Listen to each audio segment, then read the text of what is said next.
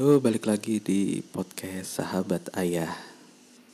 Oke, ini alhamdulillah kita sudah kedatangan narasumber yang sangat-sangat eh, biasa saja. aku Sangat mau receh. meninggikan aku mau meninggikan loh ini. Oh, Gak perlu lah. Sangat receh gitu ya. Sangat remah rengginang. Oh, gitu aduh ya kan. Allah. Beliau ini eh, seorang trainer, business coach dan bisa dikatakan eh, financial advisor. Ini adalah Mas Chandra Wijayangka. Wis. Wis. Welcome Mas Welcome Chandra. back. Yo. Welcome back. Malam Ridwan.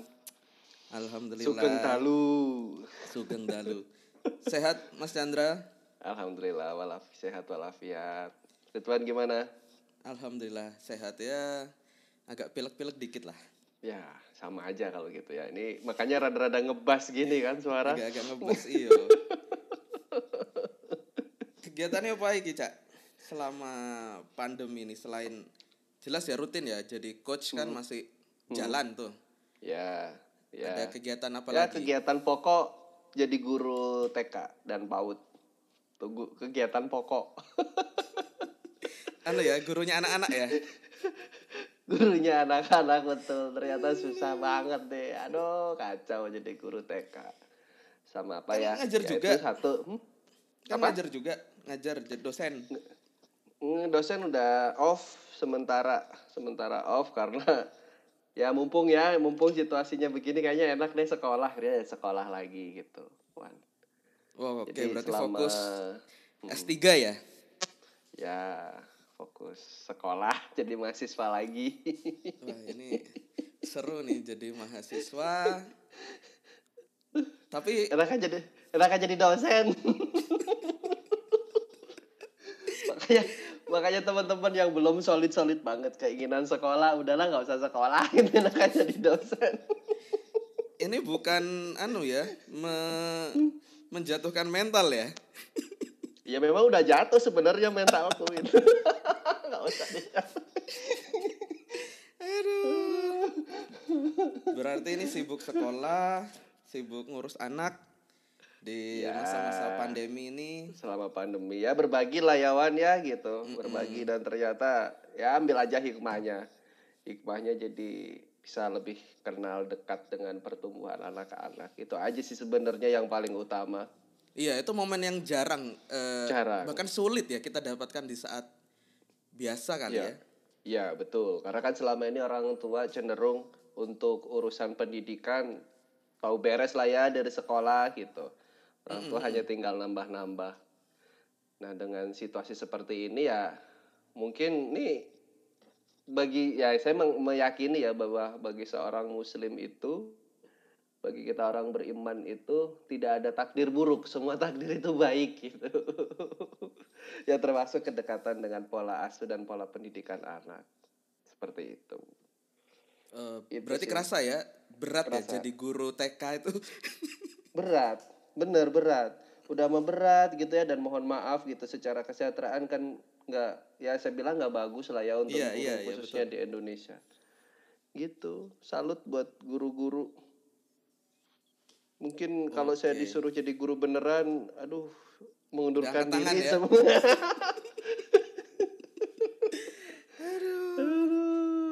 Tapi paling sulit apa, Mas Chandra?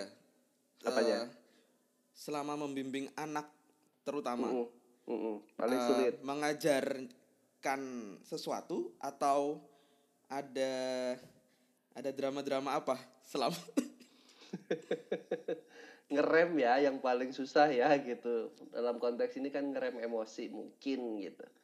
Karena Oke. kalau ngajar mahasiswa kan sebenarnya relat bukan relatif jauh lebih mudah ngajarin mahasiswa itu tinggal ya karena udah kan lo- dilepas kan. Eh lepas silahkan lo ngerti nggak ngerti terserah nih pokoknya baca ini gitu kan kerjakan tugasnya ini Iya, cari betul. kasus ini selesai. Cuman kan ya itu akhirnya perbedaan antara pengajaran dengan pendidikan baru kerasa. Ya kalau apa pengajaran bedanya? Kalau menurut Mas Chandra? Ngajar ngajar tuh teaching. Ya teaching itu hanya menyampaikan sesuatu aja. Eh, materi tertransfer itu ngajar. Tetapi pendidikan itu mendidik ya. Mendidik itu berarti ada nilai-nilai yang mesti ditanamkan. Dan mesti diingatlah bahwa objek yang kita ajar atau kita sorry kita didik itu manusia. Meskipun anak kita wah jangan jangan dibilang mudah gitu susah gitu. Anak kecil pun juga punya state mental sendiri yang kadang dia nggak mau diganggu meskipun oleh orang tuanya itu tuh. Itu sih. Menurunkan ego bahwa saya sebagai orang tua punya kuasa atas diri anak. Nah itu yang paling susah ngajarin anak. Nah, berarti di Gitu. sini terjadi proses pembelajaran orang tua dan anak ya. Iya, iya betul, betul. Dan saya sedikit terbantu ya eh, dengan selama ini belajar teknik-teknik coaching itu banyak terbantu khususnya dalam mendevelop anak meskipun ya secara usia masih sangat muda, masih anak-anak lah ya, masih balita gitu. Iya, iya betul. Tapi seru nih ngomongin soal pengajaran dan pendidikan. Nah, kalau tadi Mas Chandra kan bilang mendidik anak eh, itu bukan hal yang mudah ya. Mm-mm. Eh, tapi kita coba ngobrolin sesuatu yang lebih apa ya lebih dialamin sama seusiaku kali ya yang Mhm. sudah berumah tangga ini literasi keuangan nih Ya, oke. menurut Mas siap. Chandra Mhm. apakah udah udah bener nggak sih eh, pengajaran tentang literasi keuangan untuk eh, teman-teman millennials atau yang Mhm. bahkan baru nikah kayak aku sendiri kan baru berumah tangga Berapa tahun, Wan? aku udah setahun dengan Udah dua setahun. anak Wow, kembar. kembar itu kan itu akhirnya kerasa banget itu Iya. betapa aku aku nggak dapat pendidikan eh, kalau secara formal memang nggak nggak ada akhirnya Mm-mm. itu kan sesuatu yang kita cari sendiri kan Iya, betul, betul. nah itu berarti menurut Mas Chandra ini termasuk rendah nggak sih eh Ya. teman-teman sepengalaman Mas Chandra Mm-mm, mm. Ada data ya, kita by data saja. Kalau menurut rilis OJK gitu di tahun 2019, tingkat literasi keuangan masyarakat Indonesia itu masih di bawah 40%. Ya. Di angka pastinya saya agak lupa, kurang lebih di angka 38%, Man. Maksudnya apa angka itu? Artinya maksudnya dari populasi 100% penduduk Indonesia yang ngeh dengan eh, keuangan ya, eh, khususnya keuangan personal finance itu di bawah 40%.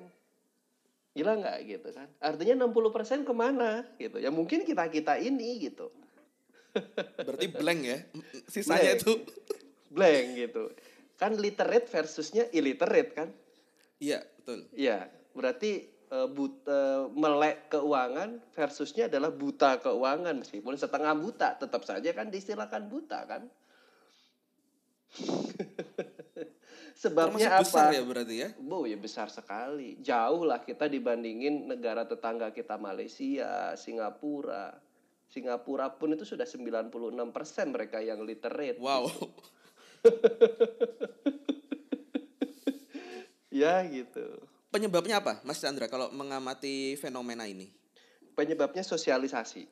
Ya gitu kan. Ini knowledge ya sebenarnya. Literasi keuangan itu kan endingnya ada pada behavior ya kepada kebiasaan. Nah kebiasaan itu salah satunya di drive oleh knowledge atau ilmu pengetahuan bisa formal atau non formal jadi eh, untuk bisa sampainya knowledge ini butuh namanya agen agen sosialisasi. Yang kita sebut tadi agen sosialisasi itu bisa formal bisa non formal formal ya tentu sekolah ya. Sekolah bisa kita bagi dua gitu ya jurusan eh, manajerial manajemen dan non manajemen atau ekonomi dan non ekonomi kalau non formal ini bisa dari orang tua sebenarnya. Ya ada penelitian juga yang ya kebetulan beberapa hari yang lalu saya baca gitu ternyata yang paling besar berpengaruh ini di Amerika ya yang paling besar berpengaruh adalah orang tua sebenarnya Wan. Kepada literasi keuangan seseorang itu gitu kemudian saya baca sendiri kepada diri saya oh ya betul ya kenapa orang tua? Karena dulu ketika saya SMP itu sudah harus berpisah dengan orang tua dan ya nggak tahu ya ibu saya ngeh atau enggak gitu tapi kata orang Jawa kan terkenal gemi gitu ya atau hemat. Iya, iya betul. ya nggak tahu gemi hemat ini eh, relate dengan medit atau pelit nggak tahu saya nggak tahu ya karena sebenarnya Kan hemat pangkal kaya. iya hemat pangkal kayak medit pangkal. Ya iya begitu. Dari SMP tuh setiap bulan dikasih uang saku ya. 30.000 ribu waktu itu. Saya SMP tahun 97 30.000 ribu untuk satu bulan. Nah ibu bilang nah nanti kalau kamu pingin minta uang saku bulan depan kamu mesti melaporkan pengeluaran kamu selama satu bulan jadi setiap hari saya nyatet itu Lu sebenarnya kan bagus berarti. bagus Kita dilatih untuk bertanggung jawab kan? Bagus, bagus. Nah, tapi kan nggak tahu, saya belum tracing ya. Ibu saya dapat knowledge seperti itu dari mana gitu loh. Oke, oke. Itu Oke. ya menarik juga sih. Orang tua kita bisa bilang berhematlah. Iya. Nah, tapi itu Iya. dari mana sumbernya kan? Nah, sumbernya gini, nggak tahu ya dari mana itu sumbernya nanti saya akan cari karena nanti ini saya tertarik ya meneliti ini sebagai ya nggak tahu apakah nanti di ACC enggak sebagai bahan kajian eh, topik penelitian eh, doktoral saya gitu gitu Amin, tentang amin. ini tentang ini. Cuman kalau kembali lagi gitu eh, ke pendidikan lah ya, ke pendidikan, pendidikan formal. Selama ini kita kuliah, kita sekolah, kita belajar, itu kan dominannya adalah diajarin cara nyari duit. Jarang sekali sekolah itu yang ngajarin kita ngelola duit. Nah, iya, Meskipun anak manajemen. gimana caranya kita dapat duit ya? Iya, itu yang selalu diajarkan gitu. ya, Aku selama kuliah juga ujung-ujungnya apa sih? Pasti dapat Kerja. eh, kerja. Nah, apalagi sekolah tinggi nanti kerjaannya mengikuti juga dengan salary yang berbanding lurus kan? Itu kan logikanya seperti itu. Mm-mm. Dan pengeluaran yang berbanding lurus juga kan? Nah, that's it. Ujung-ujungnya kan kita nggak bisa saving gitu loh. Iya, iya betul. Ah, apalagi di pandemi Betul. kayak gini kan. Heeh, heeh, heeh. Nah, tapi ini se- seru nih, Mas Chandra. Eh, kalau tadi Mas Chandra bilang ternyata eh, sumber yang paling kuat itu kan dari orang tua ya, untuk Iya. mengajarkan tentang keuangan. Betul. Kalau di aku sendiri, orang tua emang ngajarin, tapi Mm-mm. Nabung emas. Nah, Nabung emas ya. Nah, itu kan menarik juga ya. Kalau berarti kan masuknya investasi ya. Iya. Mm-mm. Padahal kan sekarang instrumen investasi itu banyak gitu loh. Iya. Nah, tapi kalau menurut Mas Chandra sendiri seberapa penting sih milenial Mm-mm. habis itu yang baru berumah tangga buat investasi? Oh, investasi itu penting, Mas. Jadi eh, kita berbicara investasi itu kan sumbernya dari saving ya sebenarnya ya. Ketika kita punya income ya. Pola nabungnya Ridwan gimana? Ketika punya income, misalkan satu bulan itu dapat gaji, pola savingnya seperti apa? Pasti aku sisihin ke 30% untuk ya itu tabungan Ya, di awal atau di akhir berarti? Di awal. di awal langsung dipotong. Nah, itu yang betul. Karena banyak faktanya nabung itu di akhir. nabung itu ketika Ah. sudah tidak ada lagi pengeluaran. itu kacau banget, ya. Karena nabung yang betul, ya betul tadi kata Ridwan. nabung yang bet- yang baik adalah ketika kita dapat pemasukan potong untuk tabungan berapa ya terserah minimal sih 10% minimal artinya makin besar makin bagus. Ya gitu. Nah nanti si tabungan ini sebelum kita berbicara investasi ya investasi itu nanti salah satu pos dari tabungan dari uang yang terkumpul. Ada kalau saya biasanya ada yang namanya dana darurat. Dana darurat. Dana darurat itu adalah dana yang bisa kita akses ketika sifatnya darurat. Apa itu darurat? Ya, darurat itu kalau bahasa sederhana bahasa seder, bahasa sederhana saya memenuhi kaidah important and urgent. Itu darurat. Orang tua sakit, important, ya important, urgent, urgent gitu. Saya Pakai beli gadget. itu ya. Ah, ya, seperti itu kan. Saya jalan-jalan nih ke luar negeri, important nggak? Important. Urgent nggak? Ah, nggak juga gitu. Karena biasa aja gitu. Ketika kita nggak jalan ke luar negeri kan nggak jadi kemudian gila atau turun pride kan gitu ya. Seperti itu. Nah, dana darurat ini berapa sih nilainya? Idealnya sih 12 kali dari penghasilan bulanan. Ideal. Ya, 12 dana yang nggak kali diapa-apain. dari penghasilan bulanan. Ya, idle. Oke. Dana idle itu. Oke. Kalau kalau nggak bisa sampai 12 kali, minimal tiga kali. Minimal tiga kali. Nah, sebelum ke hal-hal yang saya sebutin tadi, sebenarnya porsi dana darurat itu adalah dana yang ketika kita suatu saat berbenti penghasilan, entah di PHK misalkan atau ada musibah tertentu sehingga kita Kayak ber- gini ya berarti kan kondisi saat Iya. ini kan. Iya, keuangan keuangan keluarga tidak terguncang. Satu. Dan kita punya waktu leluasa lah untuk mencari tambahan.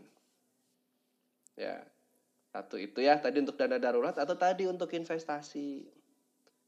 Untuk investasi. Jadi kalau mau investasi tadi pertanyaan investasi seperti apa? Ya, mau di mau dibentuk apa gitu. Karena kalau kita e, berbicara investasi itu ada dua jenis aset. Yang pertama finansial aset, yang kedua real asset. Itu. Oke. Tergantung nanti preferensinya suka yang mana atau kombinasi yang mana gitu. Kalau saya saya pribadi sih sudah sudah eh, tidak lagi bermain di finansial aset. Nah, itu kan preferensi pribadi ya. Gitu mainnya Berarti di real, real ya? asset. Real asset. Nah, berarti kalau Mm. millennials kira-kira Millennial. yang cocok yang mana? Eh, mereka Usah. baru merintis, baru Mm. kerja. Itu kan pasti untuk ke real asset mungkin agak berat kali ya atau Real Menurut juga. Saya juga milenial lah, kita kan seumuran nih. saya saya bukan kolonial, saya masih milenial kacau kamu. siap. Real, real asset itu sederhana lah, nggak nggak mesti properti kan gitu. Toh sekarang beli properti pun eh, bisa patungan kan gitu. Misalkan ada tanah 100 meter nih, eh, setiap orang berapa? Satu meteran bisa bisa sekarang itu gitu. Betul bisa gitu. Saya baru tahu juga gitu beberapa bulan yang lalu. Ya dan- ini menarik ya. Gua, aku juga baru tahu nih ada beli aset patungan. beli patungan beli patungan jadi nanti kalau di nanti mohon maaf kalau ada yang salah kita bisa koreksi bersama nama di sertifikat tuh kalau nggak salah bisa lebih dari satu orang Oh, Ya. Oke. Gitu. Contoh yang terjadi ketika saya dan istri beli rumah gitu kan namanya bisa berdua gitu. Kalau nggak salah bisa sampai empat orang. Nah nanti si tembusan siapa nama-nama pemegang eh, apa namanya pemegang hak atas tanah itu bisa ditembuskan di notaris gitu loh bikin kesepakatan itu. Contoh sederhananya. Oh, atau ya. Temen kita seba misalkan profesi sebagai eksekutif belum sempat untuk nanganin bisnis sendiri. Kemudian invest ke bisnis kecil-kecilan kafenya temen. Ya menurut saya itu adalah real asset. Kita bisa kendalikan itu. Gitu. Oke. Itu kalau berarti finansial aset kan seperti saham falas Iya. gitu ya sesuatu yang bagi saya gitu saat ini eh, kontrol diri, kontrol personal diri kita atas aset itu menjadi sangat sangat minim gitu loh. Karena dipegang manajemen investasi ya atau gimana? Dipegang yang punya uang besar. Oh. Kapital besar ya. Yang menggerakkan market itu adalah mereka yang punya kapitalisasi besar. Sedangkan kita apa gitu kan? Eh, kakap lawan teri, kita mah teri di bawah teri plankton mungkin gitu ya. Ya ikut ini, arus. ini menarik ya. Kita yang tahu kan pasti oh eh, coba deh awal aku main saham. Mm-mm. Karena kan hanya dengan modal 100 atau berapa kita Ya. bisa beli beberapa lembar saham kan. Ya, Nah, itu kan kayaknya oh resikonya kecil daripada ke real asset. Mm-mm. Ternyata ada ini ya, ada hal-hal yang belum kita ketahuin gitu loh. Aku ketahuin khususnya.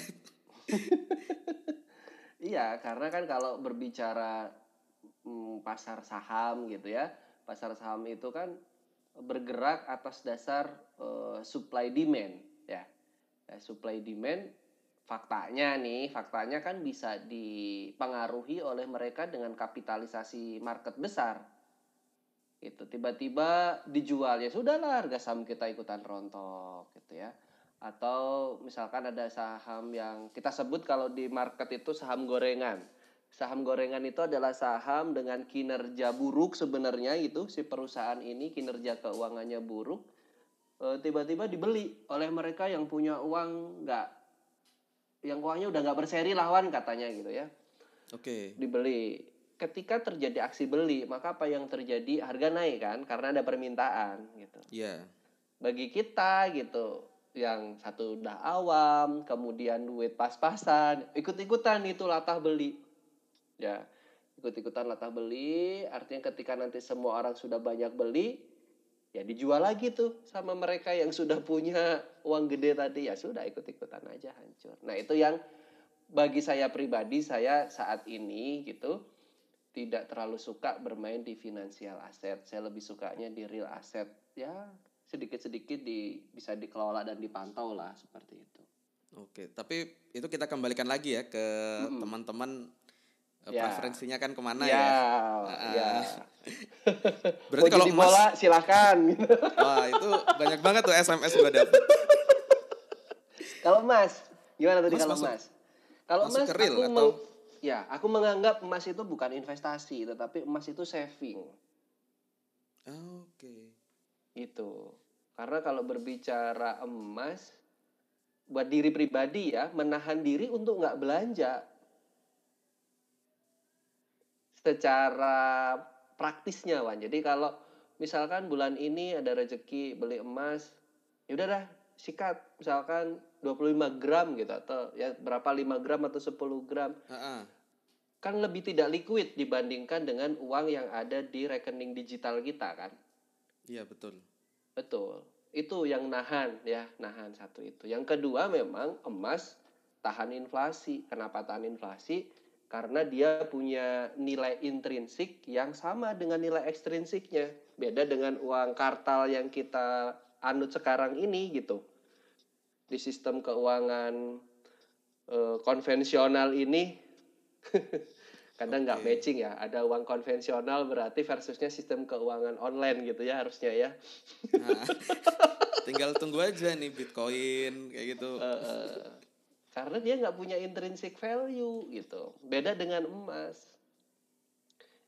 misal ya Tapi- punya uang seratus ribu dengan uang lima puluh ribu nah di konsep keuangan sekarang yang sedang eksis ini gitu kan uang seratus ribu dengan uang lima puluh ribu itu apa bedanya kalau aku tanya coba apa bedanya Nominalnya. nominalnya gitu nominal nilai nominalnya Iya. Ba- bahan pembuat uang 100 ribu kira-kira 100 ribu nggak? Eh, enggak kayaknya ya. Nggak ya, jauh ya kayaknya ya gitu ya. Kayaknya enggak deh. Iya. Dan dekat sepertinya antara uang 50 ribu dengan 100 ribu kan? Ya kurang lebih bahannya sama pasti lah. Kurang lebih banyak sama, mungkin nggak nyampe 1000 2000 juga gitu kan. Berarti kan uang mudah dong dibuat. Ketika uang mudah dibuat, ya salah satu indikasinya nanti akan terjadi yang namanya inflasi.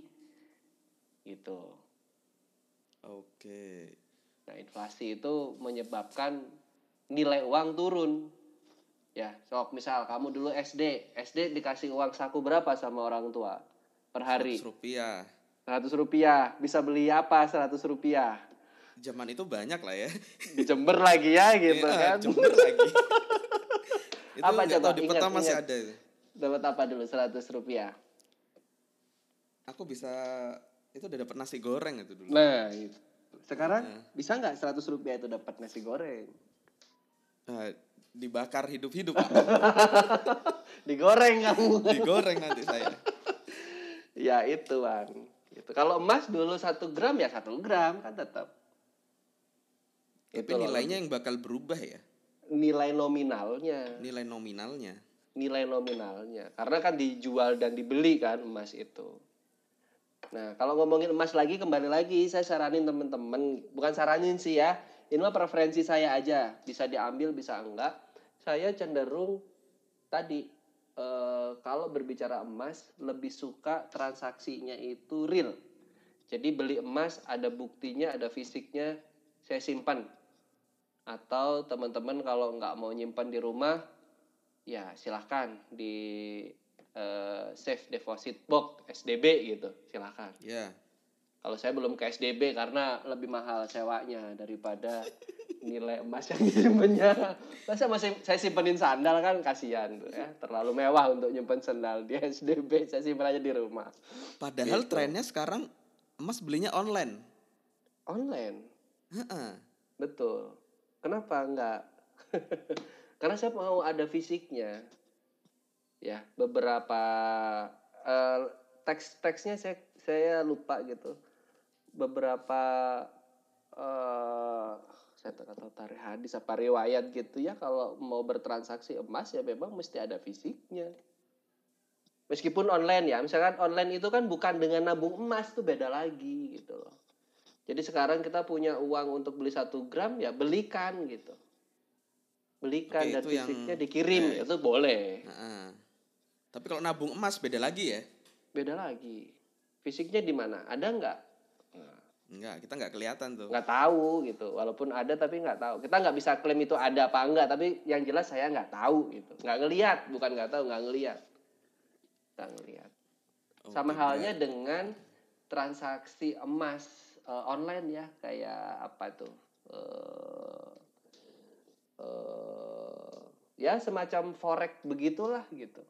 Mm-mm. Mm-mm. Ya, saya juga tidak tidak ke arah sana gitu bermain. Berarti bener-bener yang fisiknya kelihatan, ya Fisiknya kita kelihatan. beli kita bawa pulang gitu ya. kita beli bawa pulang gitu. Oke. Jadi korun berarti lama-lama ya menumpuk emas ya Anda. menumpuk emas gitu. Berarti memang investasi itu sangat-sangat hal yang bisa dikatakan wajib ya buat Wajib. saat ini ya. Iya, Uh, uh, apalagi nggak tahu kan kita nanti ada pandemi atau iya, uh, musibah apalagi ya. iya, iya. Mau ada pandemi mau nggak ada pandemi sebenarnya ya tetap ya eh, kon- apa namanya koridor-koridor ini tuh mesti kita lakukan saving tadi saving before spending nah itu mungkin yang tepat gitu Oke, nice. Eh, terus Mas Chandra, Mhm. ini eh, tadi kita udah ngobrolin in- investasi yang cukup penting ternyata yang selama ini mungkin nggak dipertimbangkan, Iya. yaitu dikesampingkan lah. Mhm. Eh, terus ada untuk merencanakan keuangan tuh kita kadang-kadang tuh berhutang. Nah, Mm-mm. menurut Mas Chandra hutang itu memang jelek nggak sih buat teman-teman yang baru merintis eh, apalagi baru berumah tangga ya hutang ya Iya, Oke, kita ini- beli rumah hutang dong Hutang ya, betul.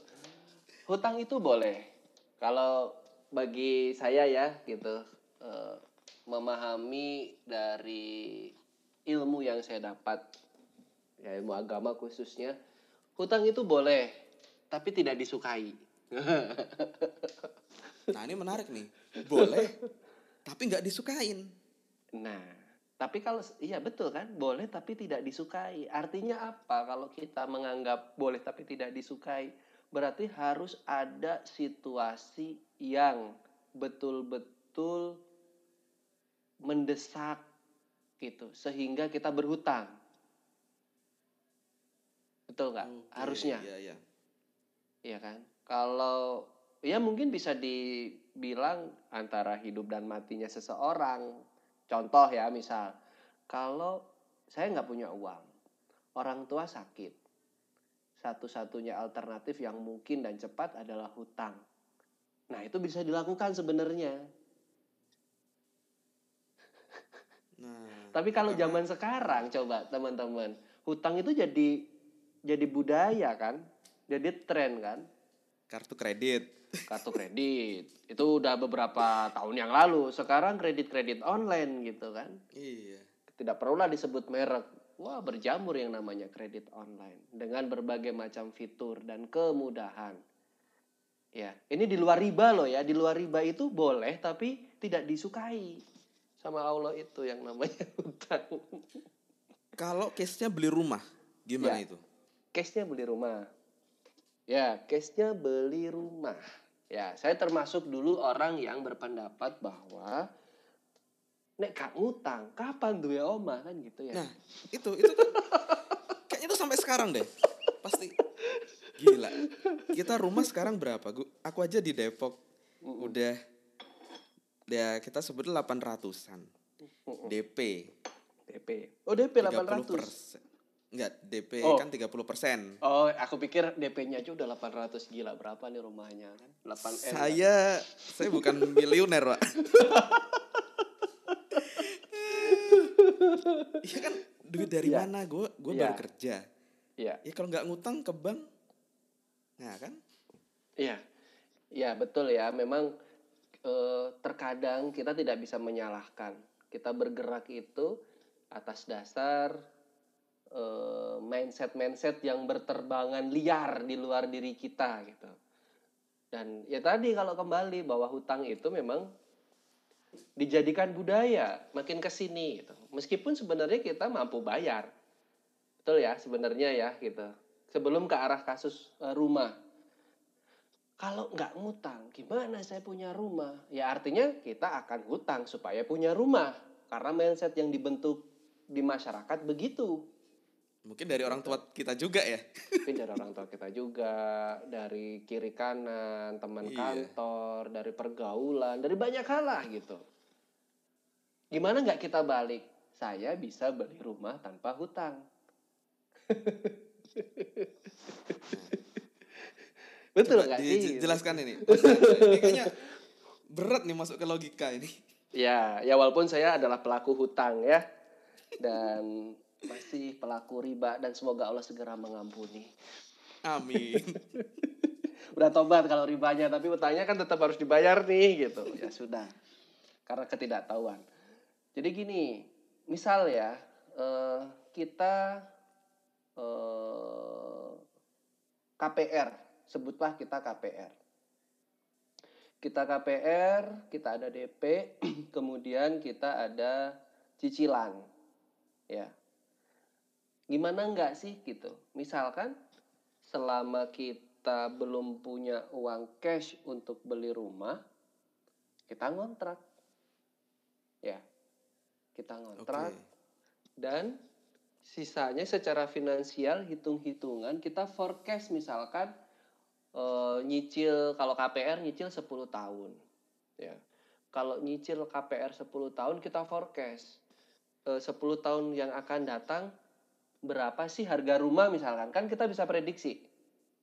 Ya Iya, hitung-hitungannya ya. Kita bisa prediksi. Sehingga saya perlu uang berapa? Saya pernah melakukan simulasi ya kan gitu. Ternyata jauh lebih murah kita nabung sendiri. Ya. Itu pendapatan berapa idealnya? ya nggak ada pendapatan berapa. Kan kalau kita berbicara cicilan itu maksimal 30% kan? Dari eh, penghasilan kita Iya.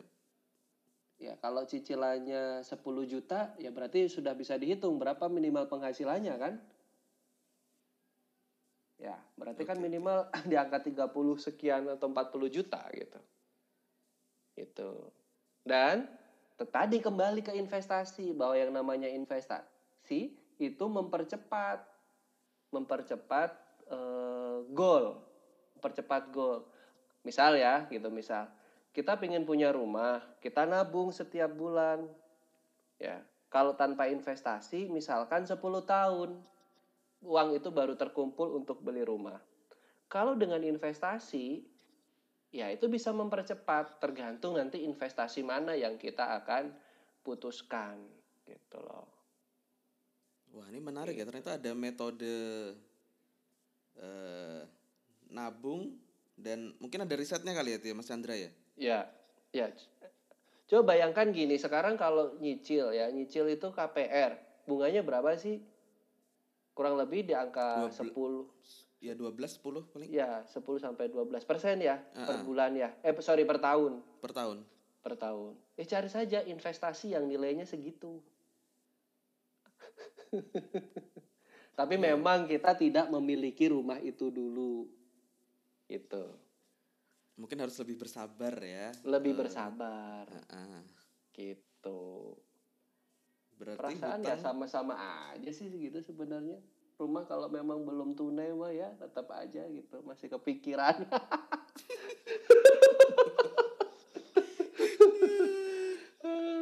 Berarti yang enak itu adalah kalau dapat ya? boleh, boleh. Mm-mm. Boleh Tapi jangan tidak dijadikan mindset ya. Jangan dijadiin mindset. Jangan dijadiin mindset. Dan hati-hati tuh yang ada kartu kredit di dompetnya. Ingat, kartu kredit itu bukan alat hutang, tapi kartu kredit itu hanya alat bayar. Jadi Oke. ya pakailah kartu kredit kalau memang pembayarannya hanya bisa pakai kartu kredit. Nah. Itu nih banyak yang disalahartikan ya. Limit kan gua gua habisin. limit lu habisin ya habis juga hidup lu kan gitu ya ya banyak lah trik-trik dan idenya ya salah satu di YouTube kan banyak tuh Roy Sakti siapa itu kan cara menutup kartu kredit gimana ya alhamdulillah saya sekarang sudah nggak pakai lagi tuh karena ya ya buat apa gitu akhirnya Oke. paling kalau ada menarik ya. transaksi Ini tertentu pinjam aja kayaknya mungkin jadi gini yang aku lihat. Eh ya gimana caranya biar cepet serba instan. ya Nah, itu mindset yang khususnya aku dapatkan gitu loh. Selama ini tuh Mm-mm. eh ya apa caranya dapat duit itu biar cepet kita bisa cepet dapat rumah, cepet dapat apa pun gitu. Akhirnya kan Mm-mm. ngutang. Nah, itu Ngutang. kembali lagi berarti ke literasi kita pengajarannya Ya. udah kayak gitu mungkin ya. Iya, betul. Literasi pengajarannya seperti itu. Dan ya pondas, ya mohon maaf gitu, tidak ingin mengkritisi sistem ekonomi di dunia ini, tetapi memang faktanya ditopang oleh hutang kan. Gitu, postur-postur APBN kita, belanja gitu kalau kita ngomongin negara pun eh, ditopangnya Hutang ya? oleh hutang gitu. Negara aja berhutang gitu kan. Nukar aja berhutang apalagi gue kan gitu. Jangan juga gitu gitu kan jadi kacau juga gitu. Dan hutang negara kan juga akumulasi hutang masyarakat. Walaupun gak gede. Gitu. Nah, ini menarik nih ya. Kita hutang eh, Mm-mm. janganlah dijadikan ini buat diriku sendiri ya. Ya. Berarti mulai sekarang ya hutang itu memang hidup dan mati gitu loh. Mm-mm. Udah udah mepet banget gitu kan. Iya. Kalau enggak ya kita usahakan meskipun itu harus bersabar dan menunggu lebih lama kali ya. Kalau menunggu harus- lebih lama bisa iya bisa enggak Wan. Kalau memang tadi pilihan investasinya pas. Hanya Oke. bersabar tidak menempati rumah yang seolah-olah milik kita gitu. Hutang itu kan gitu. Kita KPR itu kan rumah sekarang berapa tahun? Misalkan KPR 15 tahun. Baru tiga tahun ya berarti rumah 3 per 15 gitu ya. Rumah seperlima saya kan gitu. Tapi kan manusia nggak kayak gitu itu artinya di budaya-budaya modernisme sekarang hedonisme lah jangan modernisme itu manusia gitu cenderung ingin diakui eksistensinya sebagai orang yang berhasil, sebagai orang yang kaya, sebagai orang yang punya duit padahal ngutang, ya. Semuanya ngutang, mobil ngutang, HP ngutang, laptop ngutang, eh, celana dalam pun ngutang gitu kan kasarnya. Loh iya dong, kalau nggak eksis Iya. kan nggak dilihat gitu loh. Zaman sekarang Iya, iya. Ya oke lah teman-teman kita itu tidak atas das diri kita bukan atas penilaian orang lain. Manusia itu unik ya gitu. Ingat itu aja. Oh kita Berarti kita seneng kembali- orang lain ada yang nyinyir, Ah, kita susah nyinyir orang ya. lain nyinyir. Iya ya percuma aja lah. berarti kembali ke pemilihan investasi kita juga ya, Iya yang membantu eh, seberapa cepat nanti itu. betul. Oke, ini Betul. menarik nih eh, info-infonya. Terus Mas Mm. Chandra, ini kan ada baru kerasa juga ya di pandemi Mm-mm. sekarang ini kalau kita perlu tambahan penghasilan. Nah, Iya apalagi kita nggak bisa ngandelin dari gaji kerja aja, kerja kantoran maksudnya. iya Nah, kalau dari pengalaman Mas Chandra, apalagi misal gini ya, Mm-mm. orang kan nggak semuanya punya mindset bisnis ya atau berjiwa. Iya. pebisnis gitu. Nah, itu itu gimana sih? Apalagi kayak ya orang tua lah, orang tua Iya. kita. iya. Itu gimana nih mau mulainya gitu? Mulai usaha. Ah, itu kan kayaknya nggak semudah itu gitu. Ya, ya, ya, ya. Eh, tidak mudah itu kan bukan berarti tidak sulit kan ya?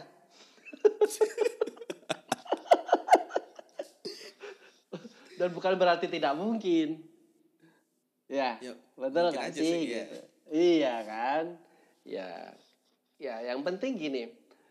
eh berkenaan dengan rizki. Rizki Allah itu luas. Ingat itu ya. Rizki Allah itu luas. Dan sembilan dari sepuluh pintu yang luas itu ada di dunia niaga. Ya, ada di dunia niaga atau di dunia usaha. Tapi kok susah ya? Ya memang menjadi pengusaha itu faktanya jauh lebih susah dibandingin menjadi eh, Pegawai. pegawai gitu. Karena yang diingat-ingat ketika seminar-seminar bisnis tuh yang enak-enaknya aja. Bebas waktu, bebas uang. Di awal-awal sudah begitu kerjanya ya akan akan dapat sesuatu kan. Iya, Ya. iya. Intinya bisa gitu. Bukan nggak bisa. Mindsetnya Mindsetnya bisa dulu ya. ya bisa. Bisa dan mau nggak gitu nambah. Gitu. Orang uang punya pasti mau lah nggak ada orang yang nggak mau dengan uang kan Oke, katakan dia Iya. udah mau nih ceritanya. mau Oke, aku aku berusaha deh, sungguh-sungguh. Mm-mm. Tapi aku nggak punya modal. Mm-mm. nggak punya modal Iya memang utang lagi. ah jangan Nah, itu jangan gimana itu? jangan saya tidak Nah, kalau ini saya bisa dengan keras saya mengharamkan teman-teman untuk berhutang ketika memulai sebuah bisnis. Ya, karena sumber modal itu kalau kita ngomongin modal bimakna kapital ya, uang itu modal itu ada tiga jenis, ada tiga sumber. Yang pertama eh, modal pribadi. Ya, yang kedua hutang, yang ketiga dari investasi. Saya sih sangat menyarankan kalau sedang merintis sebuah bisnis, gunakanlah modal pribadi. Ya, kalau nggak ada gimana? Ya, minta ke mertua, nah gitu kan. itu modal paling lunak itu ke mertua itu. Makanya baik-baik dengan mertua atau calon mertuanya. Ya, gitu. Supaya jadi menantu yang dipercaya. Efeknya apa kalau kita pakai modal dari hutang? Hmm? Kita nggak tahu. Bisnisnya kan belum belum bisa dipastikan berhasil atau tidak berhasil, Bang. Sedangkan yang namanya hutang mau bisnis kita berhasil, iya tetap dibayar. Kalau nggak dibayar, kita meninggal ditagih sampai akhirat, sampai lunas kan. Gak lucu gitu, harusnya masuk surga terganjal gara-gara hutang. Iya kan? Wah, berat juga itu. Kasihan anak cucu kita kan diwariskan lah hutang kan jangan sampai. Cok misal ada yang meninggal di pemakaman kan ahli waris berpidato barang siapa yang punya ahli wa- eh, maaf almarhum punya hutang silahkan menghubungi keluarga. Itu maksudnya apa? Ya memang jangan sampai hutang menjadi penghambat diterimanya kita di hadapan Allah gitu. Oke. Nah, Nah, artinya kalau mm, kalau kita berbicara modal jangan melulu modal itu kapital. Modal itu apa ya? Keahlian kita, relasi kita. Nggak harus kita merintis dari awal kan, bisa dari jadi dropshipper dulu, jadi reseller dulu. Artinya kalau mau merintis bisnis mah kalau saya sih ya cenderung dari ujungnya dulu, dari hilirnya dulu. Hilirnya itu Maksudnya apa? gimana tuh? Market. Market. Oke. Ya, jadi kita jadi marketingin dulu. Jadi jualan aja dulu gitu. Jadi reseller dulu gitu. Jangan main tiba-tiba di hulu. Hulu itu produksi Jadi produsen maksudnya. ya? Iya. Gampang kan jadi reseller. Berarti memang resikonya yang paling kecil dulu ya. Paling kecil dulu. Oke. Ya. Terus eh, ngomong soal kesabaran gitu loh. Heeh. Kadang tuh wah nggak sabar banget sih aku buat Mm. Mencapai sesuatu ini kok gagal terus, gagal terus. Nah itu pengalaman Mas Chandra tuh gimana itu menyiasati eh apa tuh ya nafsu kali ya kok Ya.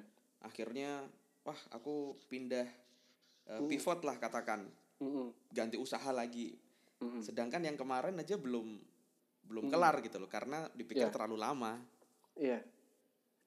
Eh, ini mah tidak dulu ke teknis ya, tetapi ke filosofis. Jadi kalau kita menjadi pengusaha ingin dapat tambahan uang atau memutuskan menjadi pengusaha jadi kaya raya, nah mesti clear dulu ya, mesti clear dulu. Dengan kekayaan ini kita mau ngapain? Ya, kita bekerja sampai posisi eh, BOD itu uang kita banyak, kita mau ngapain tuh? Itu mesti clear dulu. Dan saya pernah mengalami situasi di mana serba sulit, Wan. Ya, tahu sendirilah dulu nggak usah diceritain, ya. serba Oke. sulit. Akhirnya saya merubah redaksional doa saya. Kembali lagi ke doa. Kalau saya diberikan kelebihan harta, saya orang beriman, gitu, insya Allah, ya maka tidak akan jauh, gitu, ke muaranya. Akhirnya redaksional doa saya saya ubah gini, Ya Allah, berikanlah saya kemampuan untuk membayar infak, sodakoh, zakat sebanyak-banyaknya yang saya mampu. Gitu. Ditodong di awal. Jadi, kalau kita berharap ya atau kita memohon dengan keleluasaan kudro iroda Allah kita diberikan eh, kemampuan bayar taruh zakat yang besar, kira-kira uangnya besar apa kecil? Ini filosofinya menarik ini selama ini kan kita wah udah ending gua kaya Mhm. Iya. udah Iya. Ending Nggak saya kan? nggak kaya.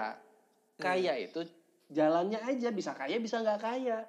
Tapi yang jelas pengharapannya bisa ngasih zakat yang besar.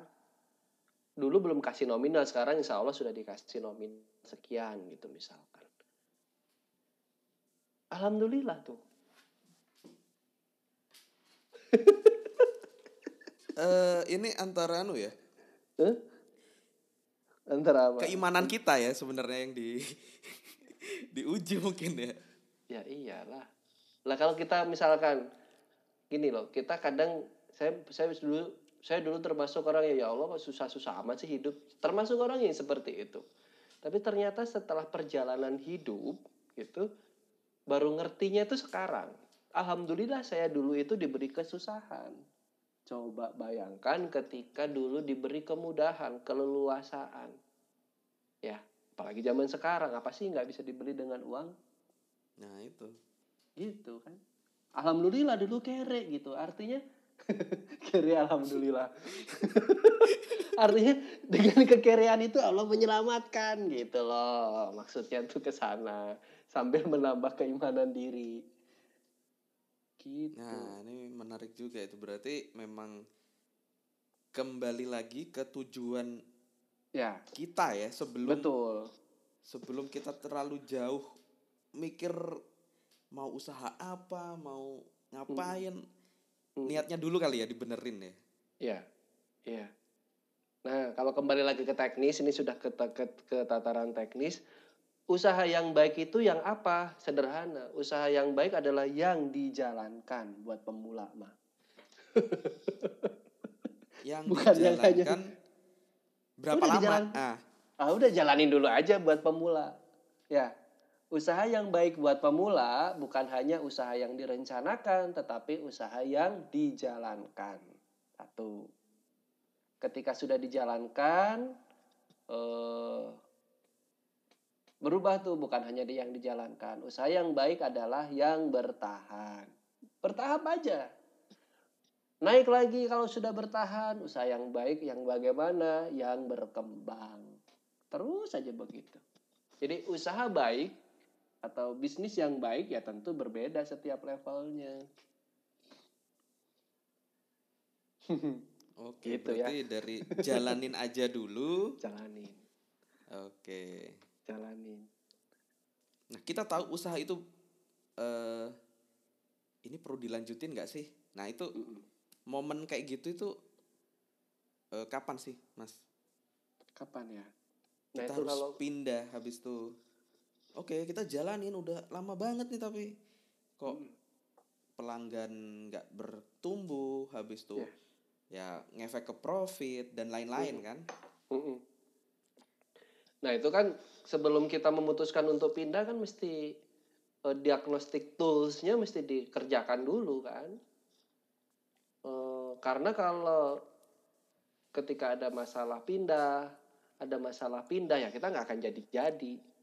Oh trennya ini pindah, trennya itu pindah. Oh pindah we terus gitu kan. Apa yang bisa tumbuh gitu dari yang pindah-pindah itu tadi. Iya. Oke. Ya itu itu harus- unik sih ya memang ya. Unik, unik, unik, unik banget. Misalkan ada warung bakso rame terkenal, kita tiru plek-plekan. Belum tentu kan kita bisa Nah, itu. itu. Nah, itu. Keringetnya beda, Pak. Keringatnya beda ya. Adonannya beda. Adonannya beda itu. Tetesan bumbu keringatnya beda. Wah, ya. itu yang bikin beda rasanya.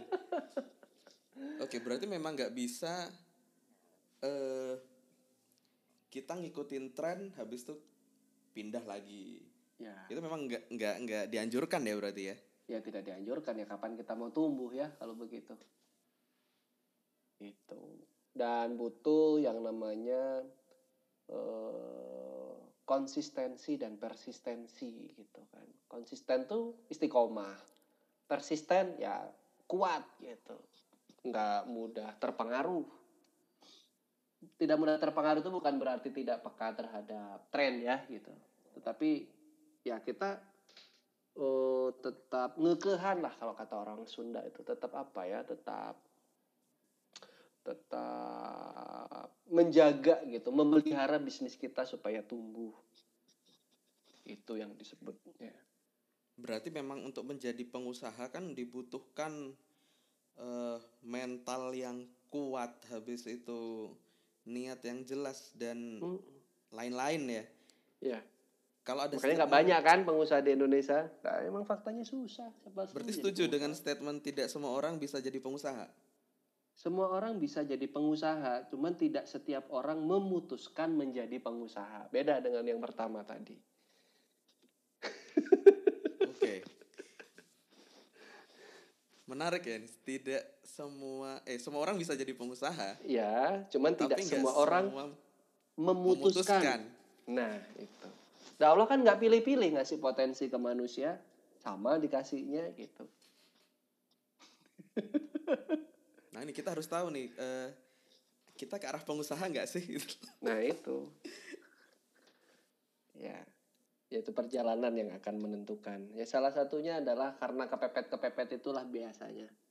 Kepepet. Kalau kalau kita baca profil ya gitu. Kepepet karena nggak keterima kerja, IP jelek, kan gitu. Yang pada umumnya terjadi. Ah, Ya, gitu. berarti memang dipaksa kondisi ya itu. Situasi memaksa. Iya. Nah ini kan Allah sudah memaksa nih dengan situasi pandemi itu. Ini Maka yuk menarik keluar. banget nih. Utang banyak, pingin segera lunas, ya ayo.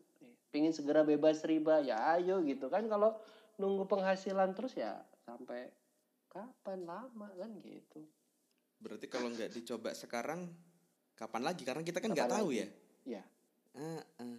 mumpung nih kita WFH. Wah. Ya kan? Pas.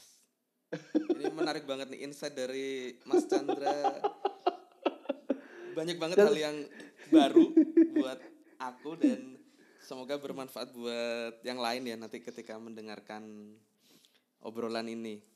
Ya, semoga jadi amal jariah ya. Yes, teman-teman. amin. Ini thank you banget Mas Chandra waktunya Gak kerasa ya. bersedia di ngobrol malam-malam kayak gini Eh, eh. dengan Asik. jadwalnya yang padat. Eh, ya kita bisa carilah waktu yang pas untuk ini kan. Terima kasih Mas Chandra.